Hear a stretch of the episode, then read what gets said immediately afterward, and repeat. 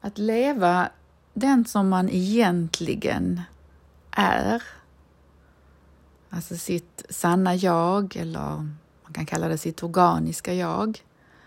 Att lära känna den sidan av oss själva innebär väldigt mycket att också förstå var vi är fast i präglingar, i inlärda beteenden och tankebanor som vi har fått med oss under vår uppväxt och som vi har blivit stöpta i.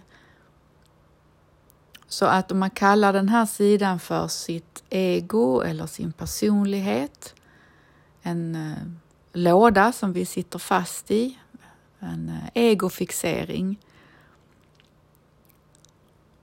så är jobbet, om man nu vill och längtar efter att leva befriad ifrån sin inre kritiker till exempel, eller sitt eh, lilla barn eller um, vanor som vi inte kan um, ta eh, kontroll över, så att säga. Alltså vanor och beteenden som automatiskt styr oss, som inte faktiskt gans, ehm, gagnar oss. Att lära känna den här ehm, automatiska sidan som lever i oss alla på olika sätt. Att förstå att det här är faktiskt inte jag. Ehm, många kanske säger, ja, jag är som jag är och du får ta mig så som jag är. Och det är ju, det är ju sant. Så här är jag utifrån min egofixering. Och frågan jag då kan ställa mig är att mår jag bra av det här? Ehm, vill jag leva mitt liv så här?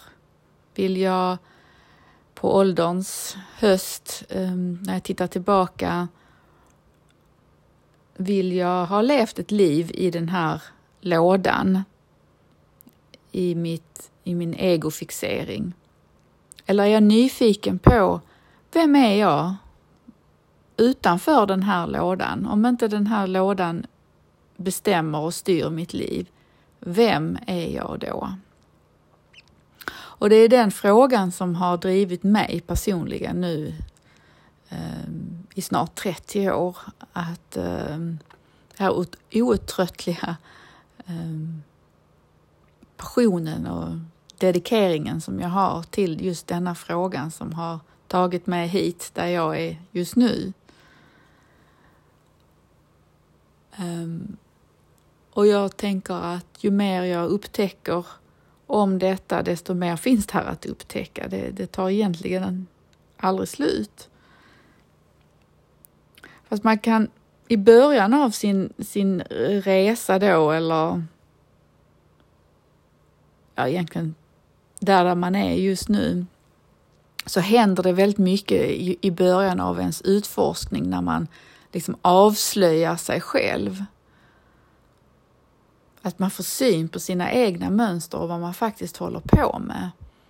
Det, är, det kan vara väldigt smärtsamt och det kan också vara väldigt, ehm, och samtidigt ska jag väl säga, ehm, belönande utifrån att man vaknar upp till någonting som känns betydligt mer genuint och sant och, och att jag känner mig mer avslappnad och ledig när jag agerar utifrån mitt organiska jag, mitt, mitt sanna jag. Vi har alla olika ehm, mönster att få syn på. Så ett sådant mönster kan vara att jag hela tiden, eller inte hela tiden, men att jag drivs av perfektion. Att eh, göra det som jag själv tycker är det rätta och i, i det, det fallet så styrs jag av att jag har en egen inre karta och bild av vad jag tycker är det som är rätt och också det som är fel. Och jag driver mig själv väldigt hårt att leva upp till den bilden och jag driver också andra utifrån min egen inre karta av vad jag tycker är rätt och fel och kan därmed bli väldigt eh, dömande mot andra och eh, tillrättaläggande mot andra, alltså en besserwisser. Ehm, och har jag den här egofixeringen så är en skräck som jag lever med är att ha fel. Så att jag, jag gör väldigt mycket för att undvika eh, att ha fel. Och ens inre kritiker har ett mantra som är att du är okej okay så länge som du gör det som är rätt. Utifrån den här då inre bilden och kartan som vi har. Då får vi godkännande av vår inre kritiker. Om vi då skulle göra någonting som är så kallat fel utifrån denna inre bilden så hoppar vår inre kritiker eh, på oss och den är brutal. Och vi tappar vår livskraft och vår livsenergi och kanske får svårt att sova och liknande. Och att börja jobba med ett sånt här mönster är väldigt ehm, ja, belönande för att då kan jag börja nysta upp det här och se att jag drivs utifrån någon um, inre motor som som gör att jag egentligen aldrig kan slappna riktigt av. Jag måste städa undan innan jag kan sätta mig framför tvn till exempel. Eller jag ehm, ha, måste göra vissa saker på ett visst sätt så att jag får egentligen aldrig riktigt slappna av. Och ibland så rinner bägaren över för den här sortens um, eh, Ehm, robot, om jag kallar det så. Så att man bara liksom släpper alltihopa och, och kan vara den på eh, fest till exempel som är helt galen, helt vild, bara ger sig hän och andra känner inte riktigt igen en helt plötsligt därför att man har helt plötsligt bara släppt den här vardagliga, lite mer hårda um, stilen som man har gentemot sig själv och, och andra. Och det är när man, man orkar liksom inte sitta fast i det här längre och då flippar det så att det blir kanske för mycket av det andra då. Att eh, man bara ger sig hän i någonting helt vansinnigt. Eh, som man sen då när man kommer tillbaka till sin robot eh, då kommer superegot på en att men herregud, hur har jag betett mig på den där festen till exempel? Eller vad jag nu gjorde för någonting. Så att få syn på att man sitter fast i en sån här um,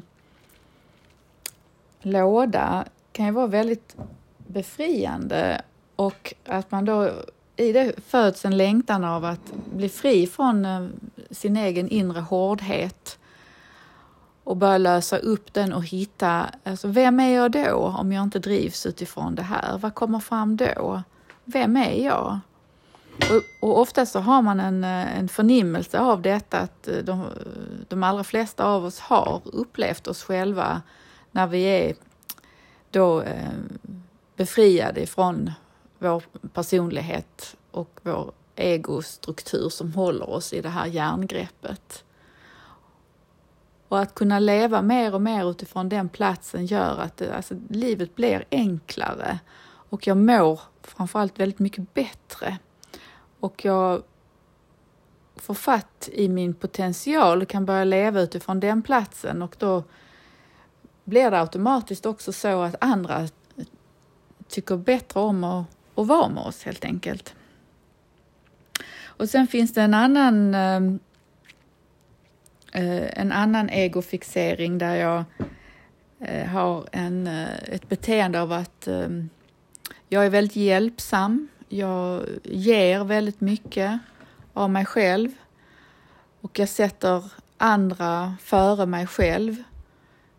Eh, om jag säger till en sån person som har det här mönstret att att sätta dig själv först så kan det skapa väldigt mycket ångest. Och eh, det här eh, superegot, den inre kritikern, eh, säger till, till en att du är okej okay så länge som du är älskad av andra och står dem nära. Och det beteendet som den här individen har är att sätta alla andra före mig själv. För skulle jag sätta mig själv först så säger superego till mig att jag är eh, egoistisk och, ehm, och att då är det ingen som kommer att älska dig, ingen kommer att tycka om dig. Och um, den här sortens personlighet undviker att vara behövande och gör sig oberoende av andra. Alltså det är jag som hjälper andra, det är andra som behöver mig. Det är så jag får mitt värde, det är så jag eh, upplever att jag blir älskad. Och att då börja jobba med detta mönstret, att lösa upp den hårda knuten ehm, är ju då att börja sätta sig själv först och att få hjälp och stöd med att, att möta den ångesten som det, som det innebär. För det är ju att bryta totalt mot den här ehm, strategin som man har haft med sig sedan, sedan barnsben. Och de individer som, som sitter fast i denna överlevnadsstrategin eh, slår gärna knut på sig själva för att finnas där för andra och behöver leverera på andras önskemål och, och behov.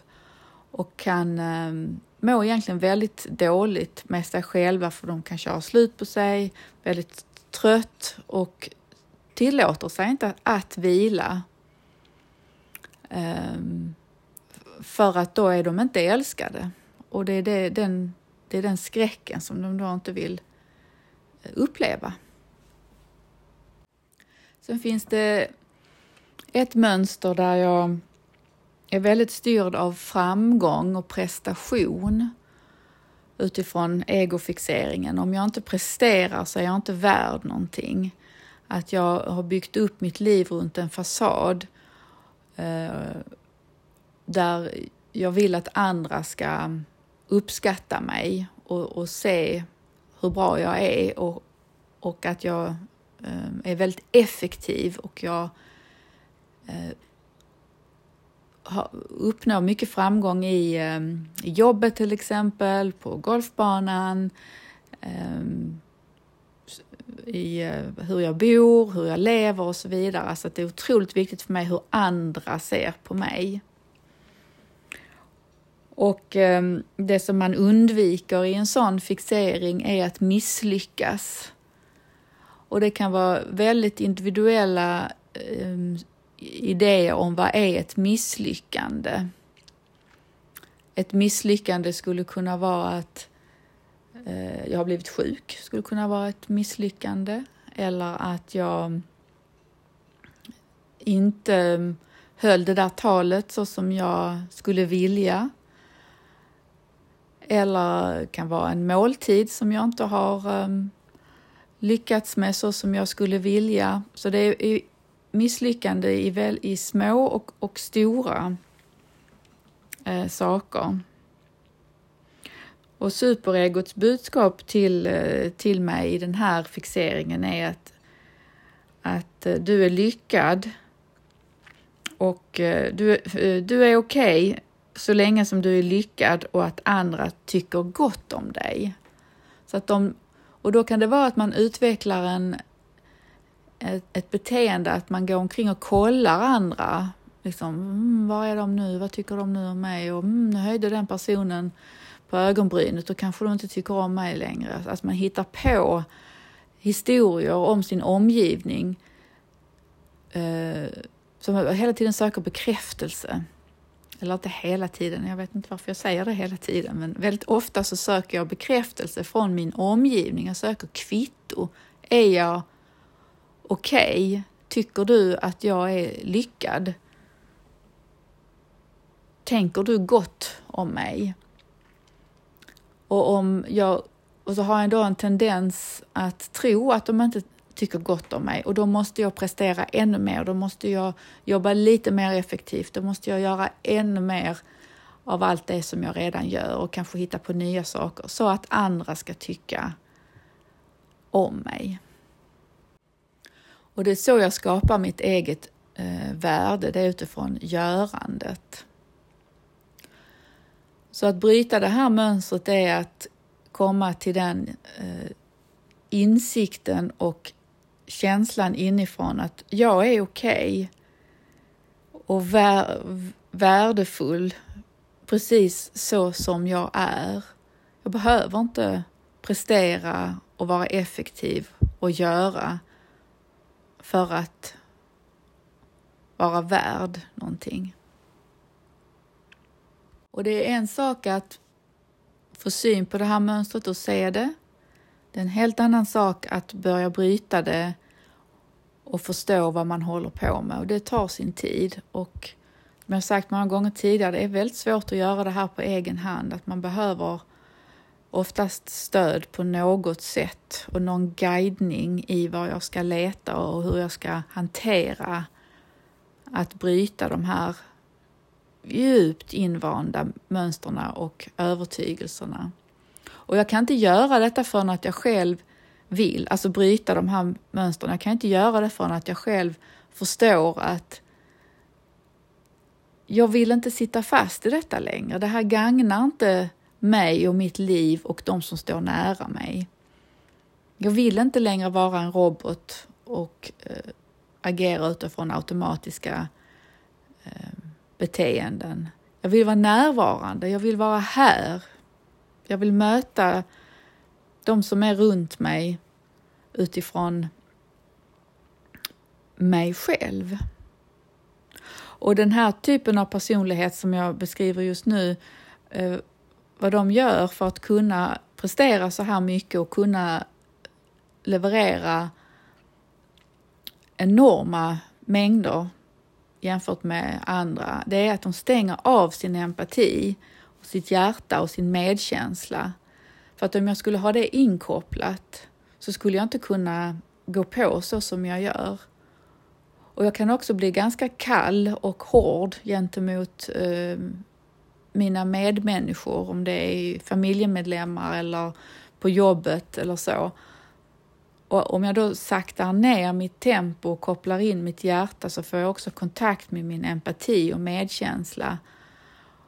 Och då, då är egofixeringens idé att ja, men då är jag inte lika effektiv längre. Och att börja se att jag är precis lika effektiv ehm, fast på ett annat sätt om jag har min empati och medkänsla eh, inkopplad. Och dessa individerna är väldigt sensitiva och har ett enormt stort hjärta och mycket empati, både för sig själva och för andra.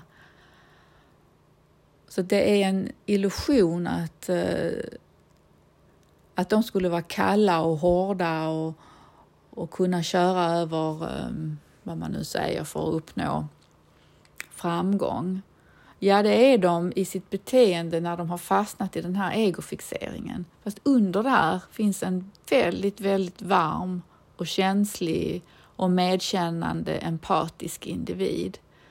Och när den här personlighetstypen får fatt i den sidan och kan agera och leda utifrån det så är de otroliga um, varma framgångsrika personer fast inte utifrån det materiella och inte utifrån det här eh, tvingande drivet som uppstår när de driver sig själva utifrån sin egofixering. Sen har vi en annan typ som eh, eh drivs av att man vill vara lite speciell, eh, originell, finns ingen annan som jag. Eh, en eh, ja, typ karik karikatyr av den här ehm, stilen. Det är, en, eh, Tänk dig en dam som sitter eh, med stor hatt, stora mm, solglasögon, starka färger, läppstift längst in i ett café och tänker hoppas ingen lägger märke till mig, hoppas ingen ser mig. Så att den här sortens individer vill gärna inte synas och ändå så syns de. Och ändå vill de synas. Så de vill vara speciella och originella och kan vara tillbakadragna eh, och samtidigt väldigt eh, synliga. Och de drivs av autenticitet och eh, att säga sin sanning och uppmana alla andra att säga sin sanning och de kan vara väldigt liksom påstridiga med just sin sanning. Och ofta är den här sanningen då som de vill säga utifrån sin egofixering. Så de kan vara ganska så påstridiga i det och uppviglare liksom och också eh, behövs de ju ta, ta tag i saker. Men det blir ofta utifrån en, eh, en aggressiv eh, kraft. Och den här eh, personligheten har väldigt mycket eh, känslor som de eh, blir en eh, slav under. Känslorna driver dem och styr dem och kan vara melankoliska. Och det som de eh, försöker undvika är att uppleva förtvivlan för att då blir mörkret så starkt i dem så att de är rädda liksom för att dras med in i det. Och de har ett superego som berättar för dem att du är okej okay så länge som du är trogen dig själv. Så de, de, detta är individualister som, som eh, står upp för sig själva in i, in i det sista. Liksom. Och eh, att bryta det här mönstret är för dem som för alla andra utmanande. Att eh, släppa den här bilden av att jag måste vara speciell och, och förstå att vi är alla speciella. Vi är alla eh, original. Vi är alla unika. Och jag behöver inte pirsa mig eller tatuera mig eller ha märkliga kläder eller stå ut för att vara speciell. Jag är speciell precis så som jag är. Och att eh, de här känslostormarna som identifierar mig, att, att när jag lär mig balansera dem så att det inte är så, så stora vågor på havet, eh, att jag fortfarande ehm, att, att känna igen sig i det bortom de här stormarna som, som lever i den här sortens um, personlighet.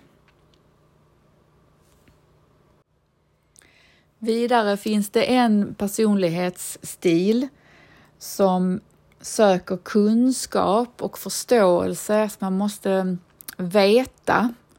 Jag, jag är den som vet. Om inte jag vet Eh, så är jag misslyckad och då hoppar superegot på mig. Så att jag sätter mig också in i eh, ämnen och är väldigt påläst eh, och kan väldigt mycket. Men ofta så drivs det då utifrån en inre fixering av att jag, jag måste kunna detta, annars är jag inte värd någonting. Och det värsta som kan hända en sån här personlighetstyp, det är att, att inte veta. Att uppleva eh, den tomheten som uppstår då och det gör man eh, väldigt mycket för att undvika att, att uppleva.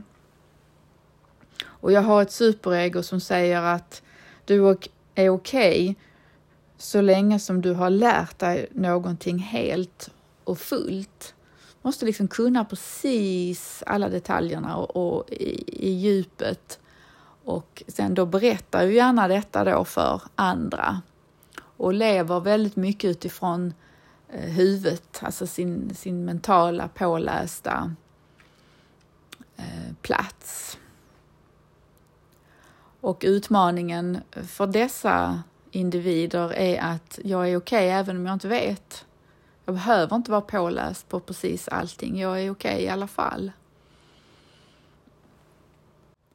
En annan personlighetsstil är att jag eh, söker säkerhet och trygghet.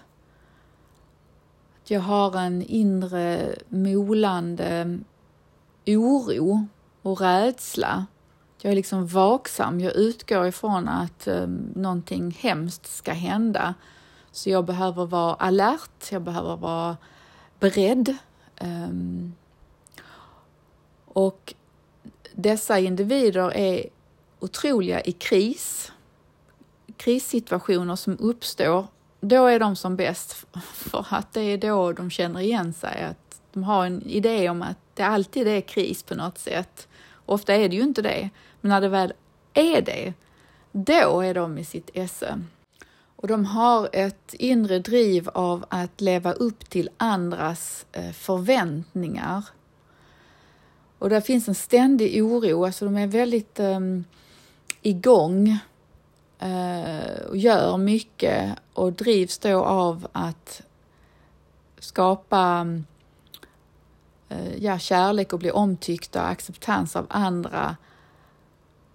Så, um, uh, för att, få, att nå det så är det att jag ska göra det som jag tror att andra förväntar sig av mig. Och jag har en väldigt brutal, stark inre kritiker som säger till mig att jag är, du, du är okej okay, så länge som du gör vad andra förväntar sig eh, av dig. Och man är väldigt lojal mot um, de som man har runt sig. Eh, för det är oftast det som driver en också, att om jag är lojal till andra så tycker de också om mig. Och jag är ofta eh, bortkopplad från min egen inre kompass. Jag har ingen egen inre guidning utan jag är väldigt utifrån styrd. Och jag undviker att avvika. Det är väldigt viktigt för mig att passa in och vara en i, i gänget. Att vara delaktig i, ehm, i gänget. Så att någon gång avvika då ifrån den, det sammanhanget som man vill vara med i är väldigt skrämmande. Så då blir det att jag ofta inte gör det som jag egentligen vill utan jag gör det som jag tror att andra förväntar sig av mig. Och den här typen har också ett väldigt starkt eh, superego som driver dem. Och det är, ja, precis som för alla andra, en, en, en svår utman och svår och med stora utmaningar att bryta det här mönstret, att börja känna sina känslor och behov inifrån, hitta sin inre kompass och guide och börja följa det och göra saker som jag vill utifrån mig själv och släppa detta att leva upp till vad andra förväntar sig av mig. Stor resa.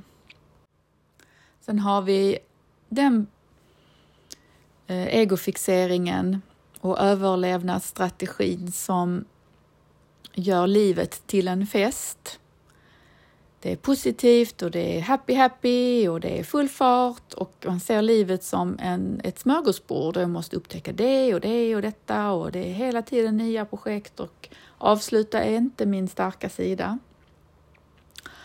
Och jag är en personlighetstyp som har väldigt mycket, jag har många förmågor. Jag fixar allt liksom. Det är ehm, det är egentligen ingenting som inte jag klarar av. Utan det kan vara att, eh, ja men det har jag aldrig gjort så då, då gör jag det. Det kan väl inte vara så svårt.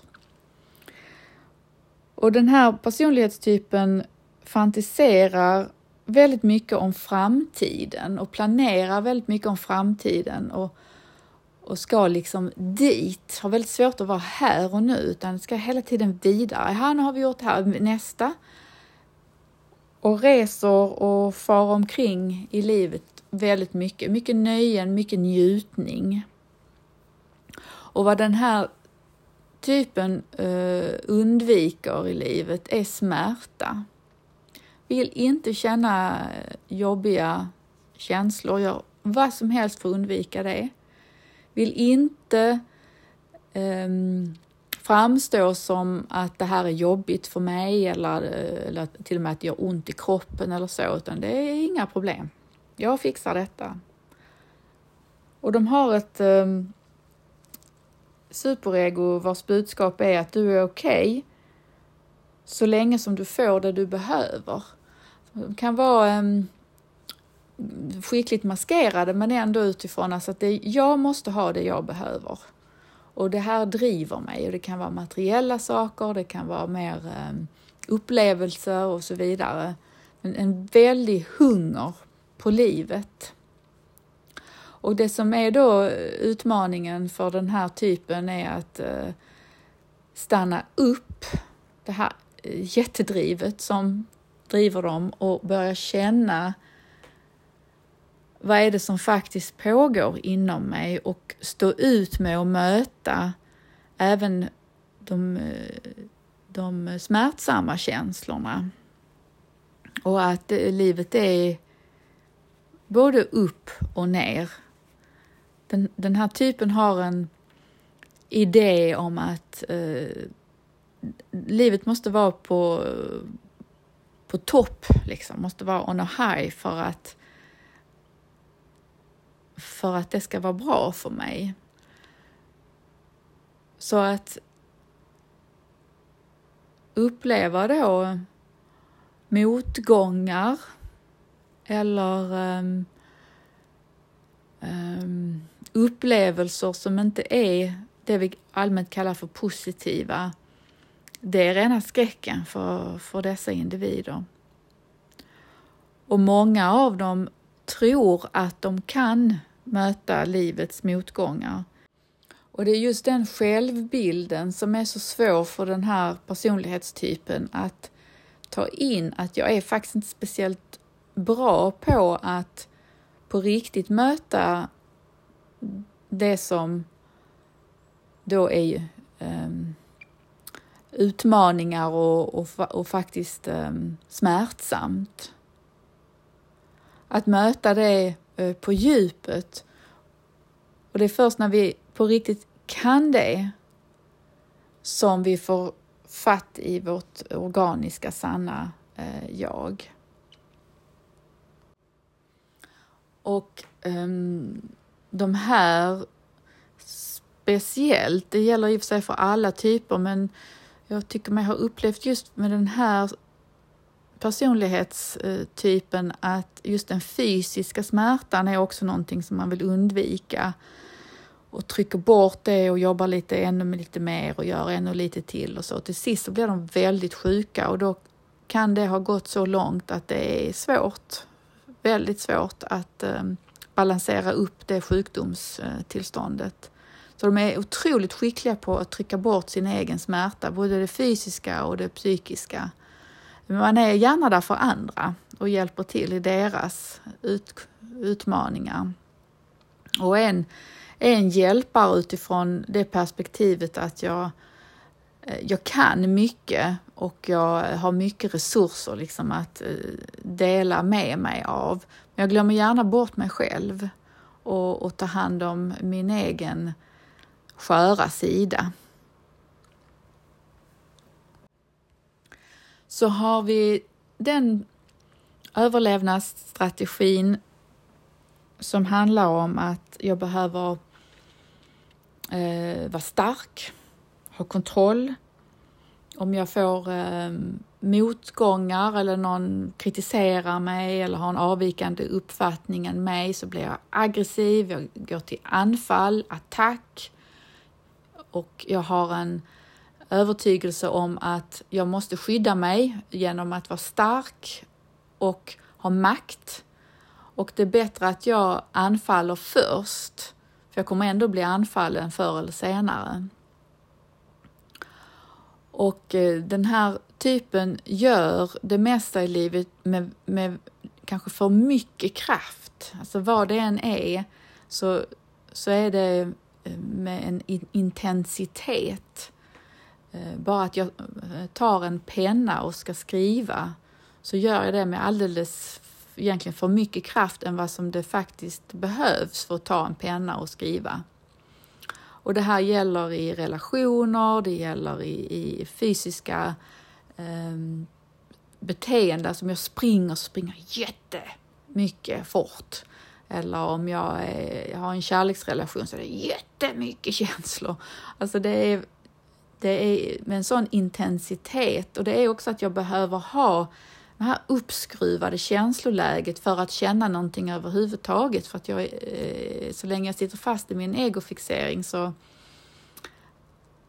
så känner jag inte riktigt eh, med de här subtila förnimmelserna. Och det jag verkligen försöker undvika när jag sitter fast i den här fixeringen är ehm, sårbarhet och svaghet min egen då alltså. Jag vill inte uppleva mig själv som, som svag. Och jag har en idé om att um, om jag skulle visa mitt inre, om jag skulle öppna upp mitt inre, vad jag faktiskt känner och tänker och hur jag har det och därmed då visa upp min sårbarhet och dela den med andra, att jag då ska bli eh, attackerad. Så det är inte förrän att när jag bryter den här egofixeringen, det är först då som jag får tillgång till hela mig och kan eh, stå i hela mig, min, min sårbarhet och också min sanna kraft och styrka. Och den här eh, Eh, personlighetstypen eh, bär ofta på en skam.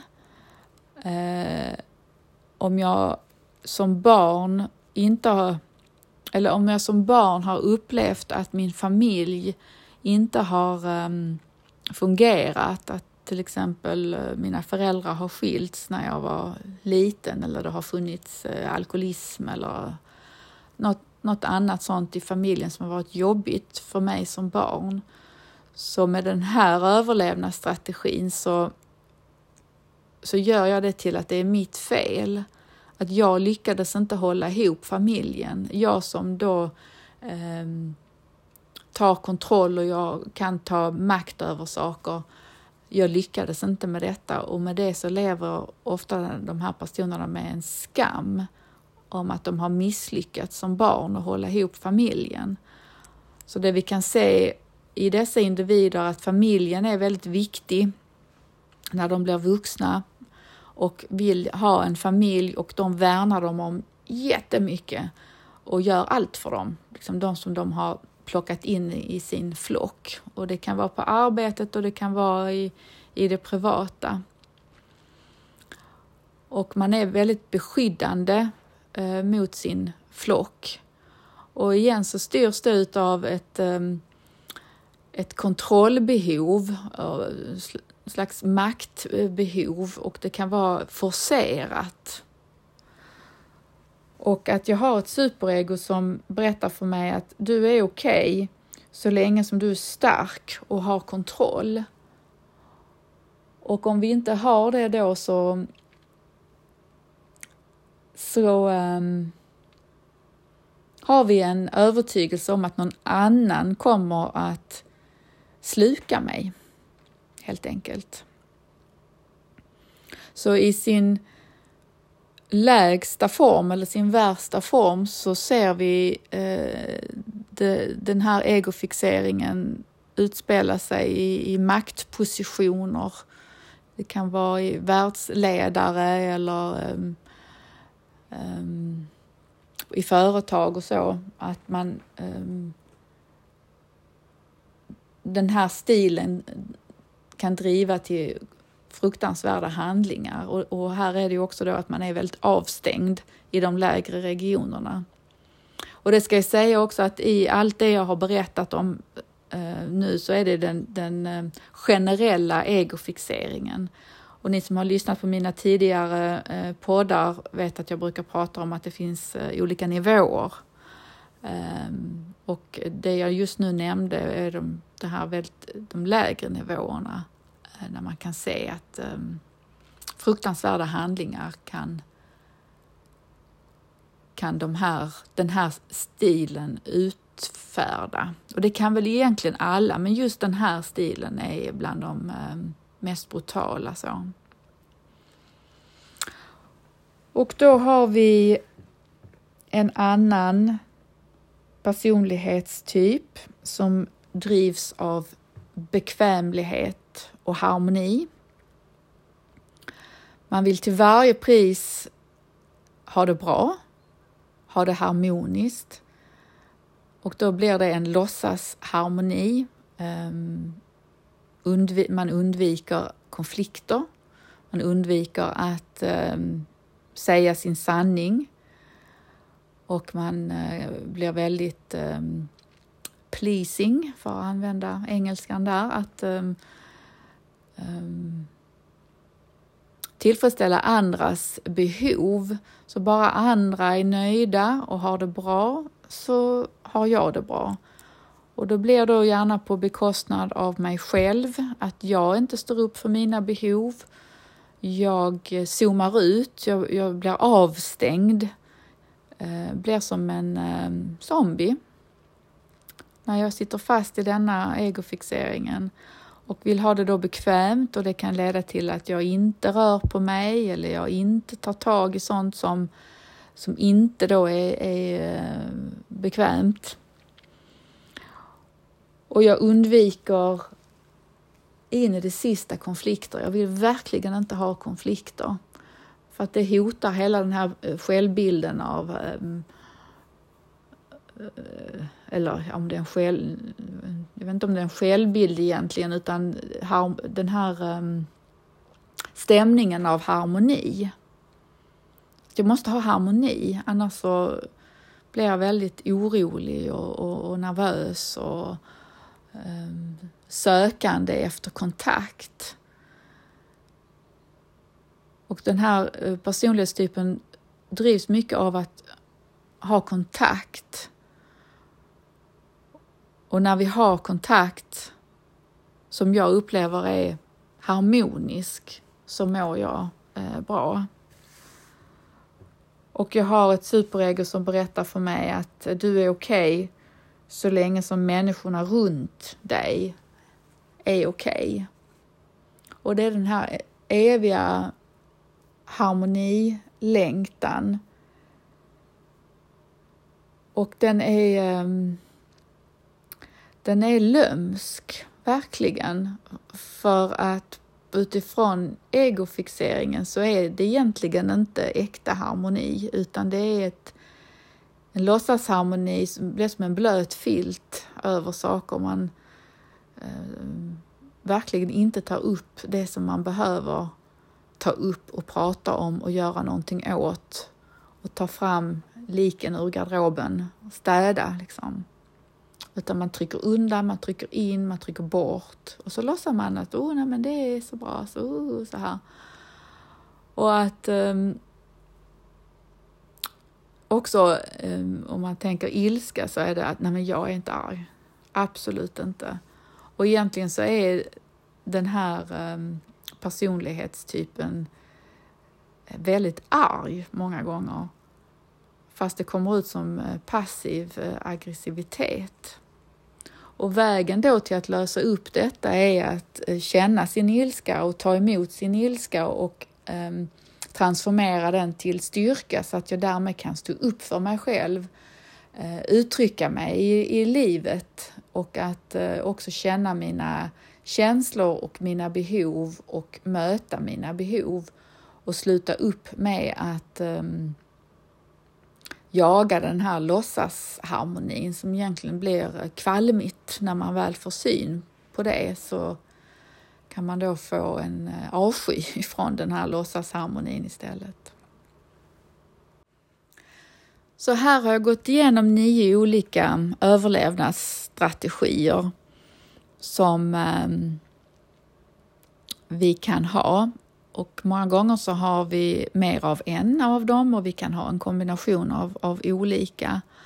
Och vad jag har velat försöka uppnå med att berätta om dessa är att få syn på var jag sitter fast någonstans. Och att därmed då kunna börja arbeta med det. Och så vill jag påminna om att det är så viktigt att vi jobbar på två parallella spår. Att vi, eh, när vi vill hitta vår, vårt mer organiska jag, alltså hitta vad är det som hindrar mig från att um, leva utifrån mitt sanna organiska jag och också lära känna den sidan av mig som är mitt sanna jag. Hur är jag då? Och vi har alla upplevt det någon gång, så försök att verkligen komma ihåg och påminna dig om de här tillfällena när du vet att du har varit fri ifrån din egofixering. Du har varit fri från den här lådan som vi oftast eh, lever ifrån och börja känna den här andra fria sidan. Och det kan vara hjälpsamt att sätta ett namn på den delen av mig och att börja mm, ta kontakt med den delen av mig när jag då till exempel sitter fast i, i, i, jag vet att jag sitter fast i min egofixering och då kan jag fråga mig, hur hade, vad jag nu kallar eh, mitt sanna jag, eller den sidan av mig, hur hade den delen av mig gjort nu? Och på så vis så hjälper jag mig att lösa upp min, min struktur där jag är låst och, och får hjälp av mig själv och jag får lära känna den sidan av mig. Och, och den här, det här sanna jaget, det kan uppstå precis när som helst. Alltså det kan jag inte styra över. Jag kan inte, och att inte göra det till ett projekt är också väldigt um, viktigt att komma ihåg. För de händelserna när jag får kontakt med mitt sanna jag, det bara händer. Det kan jag inte råda över när det ska ske. Det jag vet av egen erfarenhet är att ju mer jag tar hand om mig själv och skapar förutsättningar för att ehm, smälta min eh, egofixering, desto oftare kommer jag i kontakt med det som jag nu kallar mitt sanna jag. Och då tänker jag på, på um, att meditera, på att um, ut och gå i naturen, att äta mat som är bra för just mig, att uh, sova, att ha en livsstil som stödjer mitt sanna jag.